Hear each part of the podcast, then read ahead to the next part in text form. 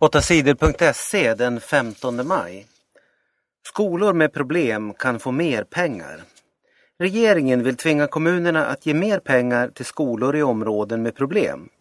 Därför vill regeringen ha en ny lag, det säger regeringens utbildningsminister Jan Björklund. I lagen ska det stå att kommunerna måste ge skolor med problem mer pengar, säger Jan Björklund. Skolor där det finns många elever från andra länder ska kunna få mer pengar. Lärarförbundet tycker att regeringens förslag är bra, det säger förbundets ordförande Eva-Lis Sirén. Men många är förvånade över regeringens förslag. Socialdemokraterna föreslog för ett halvår sedan samma sak. Då röstade Folkpartiet nej till förslaget. Nu har vi ändrat oss, så enkelt är det, säger folkpartisten Jan Björklund.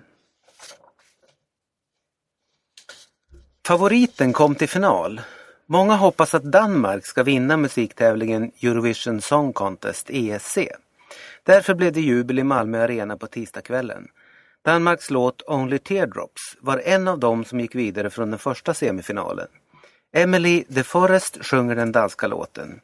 Jag tror verkligen på vår sång, men just nu är jag bara glad att vi har gått till final, säger hon. Omkring 100 miljoner människor brukar titta på finalen på TV. Petra Mede är ensam programledare för ESC. Det är ett jobb som hon skulle göra de flesta ner väldigt nervösa. Det märktes inte på Petra Mede. Hon klarade sitt jobb den första kvällen utan problem och får beröm av alla experter. De andra länderna som gick till final på tisdagen är Ukraina, Nederländerna, Litauen, Moldavien, Irland, Estland, Ryssland, Vitryssland och Belgien.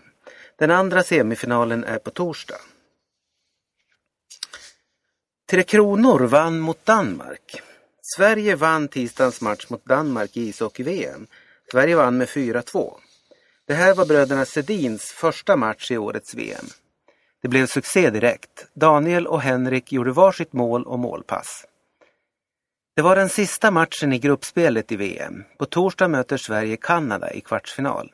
Det blir en mycket svår match för Tre Kronor. Kanada spelade ut Sverige i gruppspelet och vann med 3-0. Fängelse för andeutdrivare.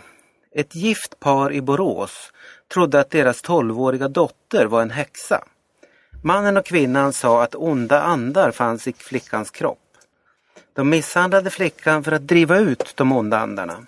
Flickan har sagt att föräldrarna brände henne med en het kniv. De rakade av henne håret, låste in henne och slog henne. En präst från en frikyrka var också med och misshandlade flickan. Tingsrätten i Borås trodde inte på flickan. Domstolen friade mamman, pappan och prästen. Nu har det varit en ny rättegång i domstolen hovrätten. Hovrätten dömde alla tre. Mamman straffas med fängelse i två år och två och ett halvt år. Pappan straffas med fängelse i två år och tre månader. Prästen dömdes till fängelse i ett år och tre månader. Fler än 50 flyktingar drunknade i havet. En båt med flyktingar välte i havet utanför landet Burma. I båten fanns omkring 100 flyktingar. Minst 50 av dem drunknade. Olyckan hände i måndags. Det blåste storm och båten med flyktingar körde på en klippa. Flyktingarna i båten tillhörde folkgruppen rohingya. Rohingya-folket har det svårt i Burma. Fler än 100 000 människor har blivit bortjagade från sina hem. Många av dem har blivit dödade av buddister i Burma.